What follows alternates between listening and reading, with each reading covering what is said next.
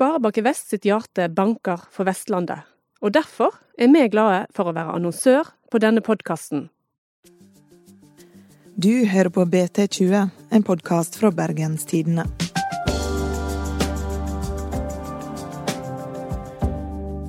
Førti år etter abortlova ble vedtatt, går det igjen demonstrasjonstog gjennom norske byer. Årsaka er at loven er lagt på forhandlingsbordet av statsminister Erna Solberg og KrF. Det er politisk sprengstoff, og har vært det i mange tiår. I dag skal BT20 handle om hvordan det var før kvinner fikk bestemme sjøl. Og hva er det egentlig KrF vil forhandle om nå?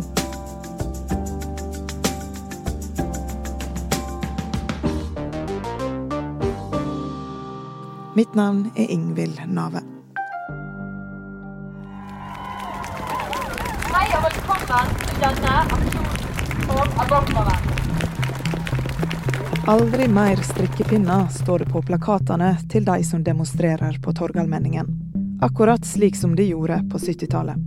Vi er samlet her i dag for å markere eh, at kvinners reproduktive rettigheter ikke skal være et forhandlingskort mellom regjeringen Solberg og KrF.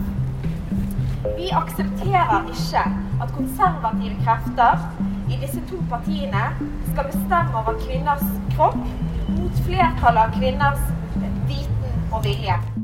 Hva kampen står om i dag, skal vi komme tilbake til litt seinere. Først skal vi til 60-tallet i Norge. Abort var strengt regulert, og flere tusen kvinner tok ulovlige og farlige aborter hvert år. Kjersti Mjør, du er journalist i BT og har skrevet om hvordan det var i Norge før abortlova kom. Hva var det du ble mest overraska over når du jobba med den saken? Først og fremst hvor tilfeldig det var hvem som eh, kunne få abort og ikke. Eh, først så måtte du jo gå til en lege og få vedkommende til å sende inn en søknad om abort på dine vegne. Dette var ikke noe du kunne gjøre sjøl. Geografi kunne være avgjørende. Altså legen på heimplassen din, det var den første portvokteren du måtte forbi som abortsøkende. Og hvis dette var en eh, Det var som regel en han den gangen. En eh, lege som hadde et konservativt syn, eller kanskje et, et kristent syn på dette med å ta abort, så kunne du bli stoppa allerede der. Det var slett ikke uvanlig at eh, kvinner måtte oppsøke flere leger før de fant en som var villig til å søke om abort for henne. Hvis du fikk ja fra legen, hva skjedde da?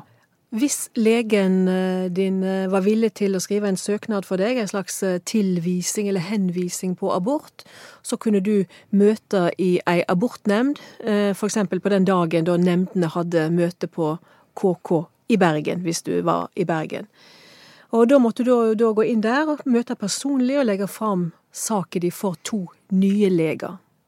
Og disse legene skulle da igjen vurdere den totale livssituasjonen din. Og det som var definisjonen, eller det som en gikk etter da, det var om du risikerte en fysisk eller psykisk helseknekk dersom du bar fram dette barnet. Det ville da avgjøre om du fikk et ja eller et nei til abort. I Oslo så var det mye lettere. Det var en langt høyere prosent som fikk innvilga abort i Oslo, i motsetning til f.eks. på Sør-Vestlandet. Og ingen veit jo hva som ble sagt i disse nemndene som var mellom 64 og 1978. Det var ikke ført referat. Det var veldig skilnad fra nemnd til nemnd, og vi vet at mange av kvinnene kom gråtende ut. Hva hvis du fikk nei fra legen og ikke fikk lov til å komme til ei sånn nemnd? Hva var alternativene dine da? Nei, Et alternativ var selvsagt å bære fram barnet. Du hadde ikke noe valg. Eh, men samtidig så ser vi det at eh, hos mange av de som fikk avslag på abort i en nemnd, eh, så var det likevel mange av disse som ikke fullbyrda svangerskapet. Hva gjorde de da? Ja, hva gjorde de da? Eh, dette veit vi jo lite om. Men vi veit at eh, en del kvinner som hadde ja, råd til det og ressurser til det, reiste til utlandet vi veit at de reiste til Danmark, eh, til Polen, til Sveits og til eh, England, land med mer liberale abortpraksis enn eh, Norge hadde den gangen. Det var et ord for disse kvinnene som reiste f.eks. til eh, London, til Harley Street, for å ta abort. De kalte de for abortturister.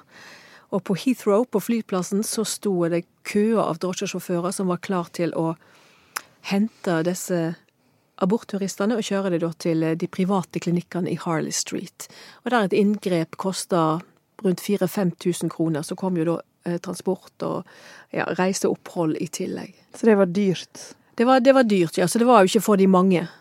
Sant? Hva hvis du ikke hadde penger, da? Hva, hvor, hvordan måtte du gå fram for å få en abort, da? Mm.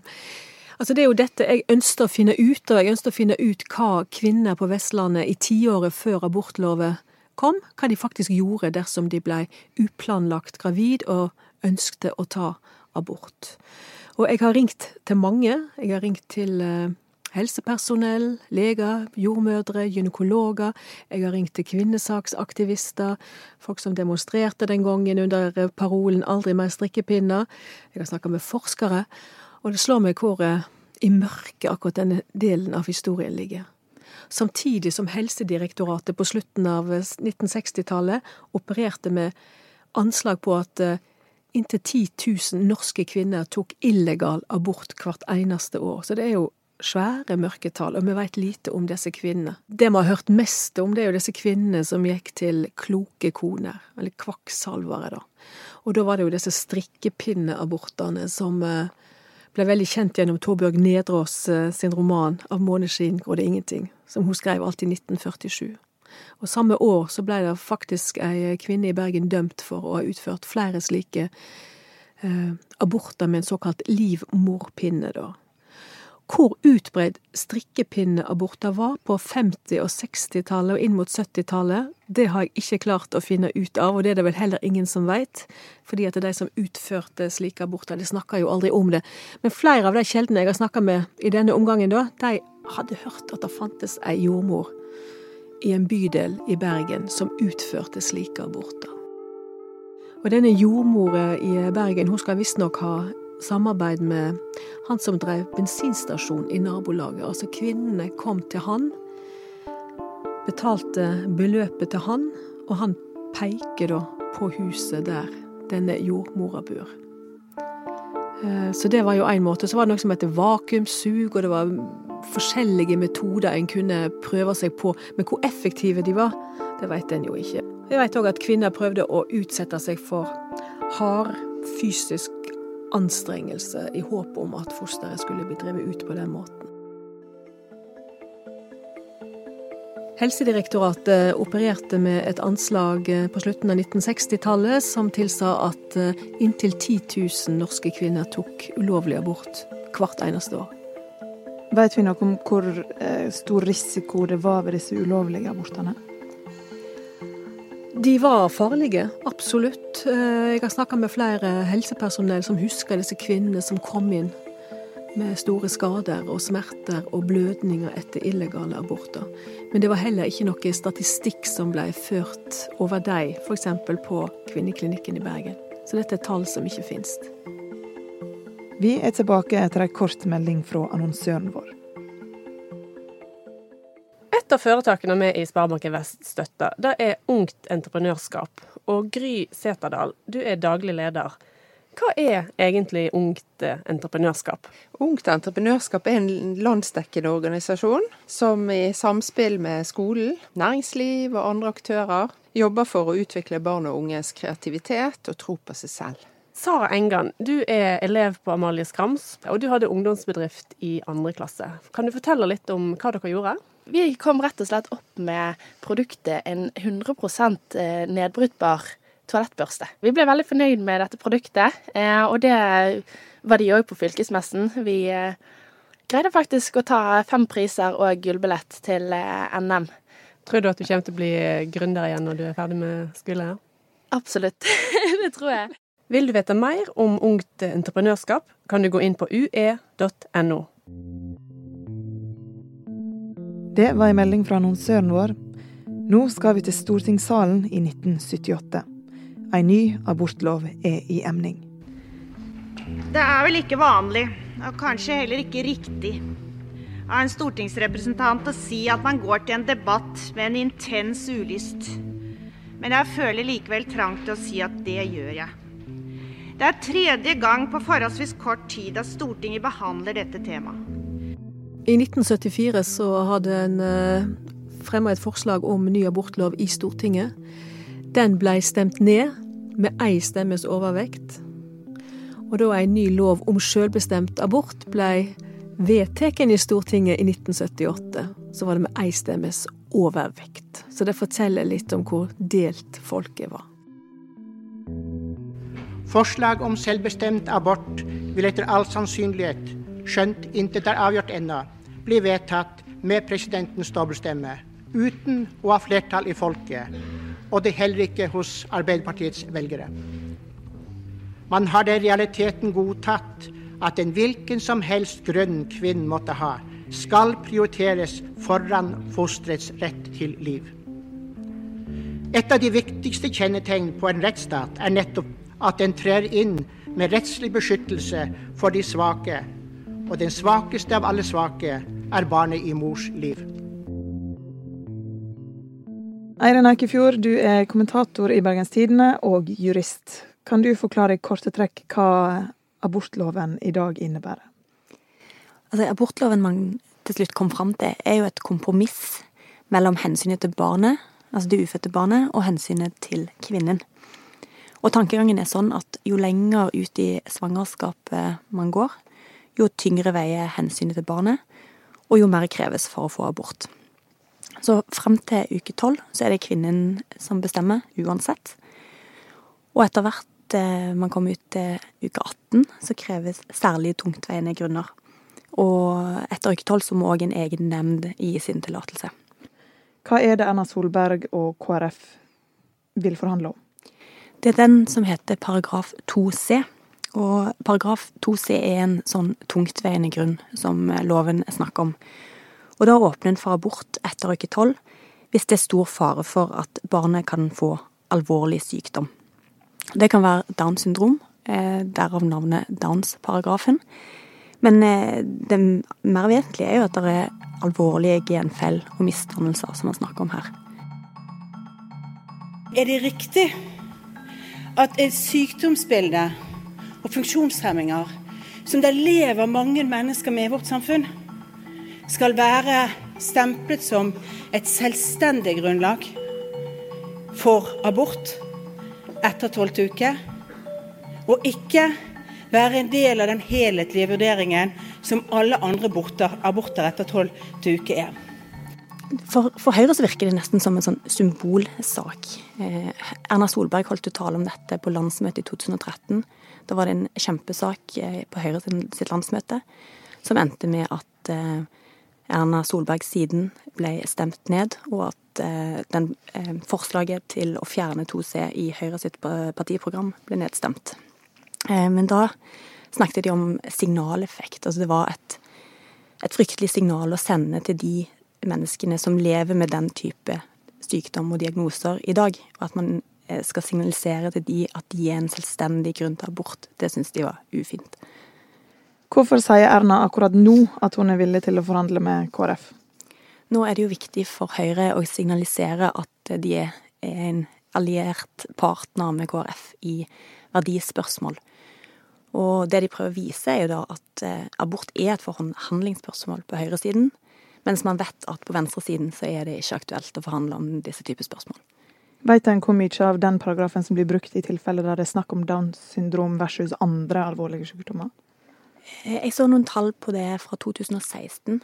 Da var det ca. 15 000 aborter som ble foretatt på altså alle typer aborter. Eh, Senaborter etter 2C var et sted mellom 200 og 300, og av de var noen av 60 eh, Downs. Så det er en ganske liten andel? Ganske liten andel. Er det mer de vil, eh, eller potensielt vil forhandle om? De snakker om tvillingabort. altså det var jo noe som eh, man ikke var helt sikker på hvordan en skulle løse her til lands. Så kom det en uttalelse fra Lovavdelingen i Justisdepartementet for en stund siden der de tolka abortloven dit hen at den òg gjaldt for fosterreduksjon, altså tvillingabort. Det er KrF mot, og det er nå Høyre, eller i hvert fall har Erna Solberg sagt at Høyre er villig til å forhandle på det. Hvordan ser de andre partiene på abortloven?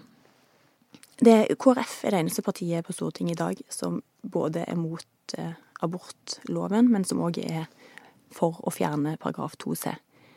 Det er to andre partier på, i norsk politikk som en kan regne for litt verdikonservative. Det er Høyre og Senterpartiet. I Høyre så var dette et veldig splittende spørsmål på landsmøtet i 2013, men det endte med at eh, de, ta, den, altså de som ønsker å, å fjerne 2C, tapte med stort flertall. Og det er ikke lenger et forslag fra Høyres side offisielt. Så partiet er mot. Eh, Senterpartiet vil heller ikke gjøre noe med abortloven og 2C. Så i praksis så er det bare KrF. Men hvordan kan de klare å få så stort gjennomslag at en nå skal forhandle om den? Jeg tror det er derfor folk eh, protesterer og er veldig kritiske til det som nå skjer. For eh, det som Erna Solberg sier, går jo faktisk imot flertallet i hennes eget parti. Og i tillegg sier de jo at de de ønsker å fjerne 2C, men de ønsker ikke å endre praksis. Og det er jo en ganske underlig eh, tilnærming til å endre en lov. For hvis du skal endre loven, men bare som en symbolhandling, men at praksis skal være nøyaktig den samme, så har man jo ikke gjort noen endring i det hele tatt. Da skjønner jeg ikke helt poenget. Og dessuten så fremstår det jo òg hyklersk overfor KrF, som da faktisk ønsker en reell endring. Hva vil i praksis konsekvensene av å fjerne paragraf 2c være? Eh, altså, det finnes, Sånn som eh, abortloven er innretta, så er det ulike paragrafer som åpner for sen abort. Den ene er 2C, altså sykdom. Eh, men du har òg eh, en 2A, som sier at hvis det er urimelig belastning for kvinnens fysiske eller psykiske helse, eller 2B, det setter henne i en vanskelig livssituasjon. Og man kan jo se for seg situasjoner der det å, å bære et sykt barn kan bli vurdert etter de andre paragrafene. Og det går òg helt fint an å argumentere for at et alvorlig sykt foster, eller et pleietrengende barn, er både vanskelig og belastende. Men det som er problemet her, er jo at dette er veldig diffuse kriterier. Hva er vanskelig, hva er belastende? Sykdom på den andre siden er veldig håndfast. Og i, til syvende og sist, i og med at dette er etter uke tolv, så er det opp til abortnemndene å bestemme. Og de kan jo ha et ganske forskjellig syn på verdien av liv, og hva som er en belastning. Så det en risikerer, er jo på den ene siden at det blir mye mer uforutsigbart. Eh, de fleste av alvorlige defekter oppdages ikke før etter uke tolv. Og det at 2C blir fjerna, betyr at det ikke lenger er noen garanti for å få lov til å fjerne syke fostre. Det betyr ikke at det ikke vil skje, men eh, kvinnens situasjon og den belastningen blir mye mer vektlagt. Og det er en mye mer uforutsigbar måte å gjøre det på. Og det vi husker på, er jo at dette gjelder kvinner som ønsker abort. I andre tilfeller så er det jo ikke, dette er ikke et tema. Så det vi diskuterer her, er kvinner som har sannsynligvis et ønska barn, der man har eh, fått påvist at eh, fosteret er alvorlig skada. Og likevel må hun til nemnd og argumentere for at det er så belastende og så vanskelig for henne at eh, hun må få abort. Hvorfor blir denne paragrafen kalt Downs-paragrafen? Fordi at det er paragraf 2c, eh, som med kriteriet alvorlig sykdom åpner for å fjerne fostre som har kromosonfeil og andre typer misdannelser. Men det er egentlig ganske misvisende å kalle den for dansparagrafen, og det er jo et litt sånn skittent retorisk triks. Fordi at det er et veldig lite antall av de fostrene som blir fjernet etter den paragrafen, som faktisk er barn med dans. Og det er ganske viktig å få fram. Så det betyr at, Og det fins jo Det må vi huske på, er jo at eh, kromosonfeil og ulike trisomier, og det fins barn som blir født uten hjerne, uten øyne, uten noen som helst mulighet til å leve opp. Det er jo dette vi snakker om her, det er jo ikke solskinnsbarn og downs. Og det fins veldig mange alvorlige lidelser som, eh, som rammes av den paragrafen. Har du forståelse for de som mener at livet begynner ved unnfangelsen? Altså, det gjør, det gjør jo i prinsippet det. Jeg har forståelse for det. Jeg, og jeg tror alle er enige om at abort er et vanskelig spørsmål. Det er ingen som ønsker abort. Alle skulle jo sett at det ikke var noe man trengte å gjøre. Men sånn er ikke verden. Og hvis man skal gjøre noe, så må man heller prøve å få ned aborttallene generelt, og se på hva man kan gjøre for å få til det. Og så må vi huske på at de som er 2C-aborter, er så marginalt lite tall. Men det gjør såpass stor skade hvis man eh, gjør den veien mer kronglete. Eh, nå har jo denne loven eksistert i 40 år. Hvorfor tror du det dukker opp stadige omkamper om den?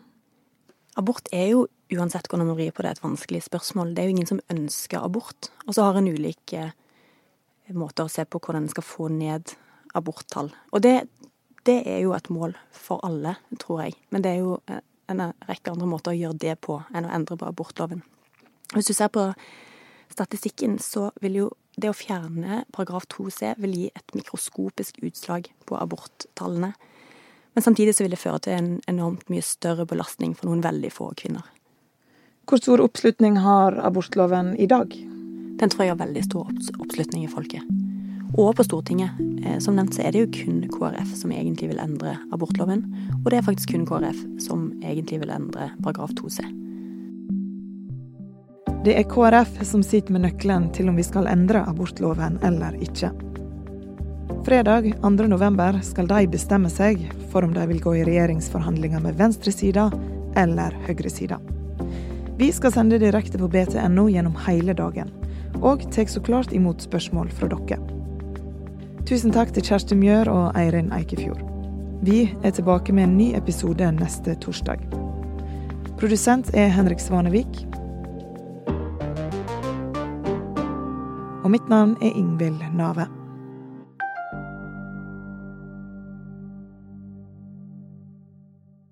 Har du lyst til å høre mer om de samfunnsnyttige prosjektene til Sparebanken Vest? Da kan du gå inn på spvhjertebank.no.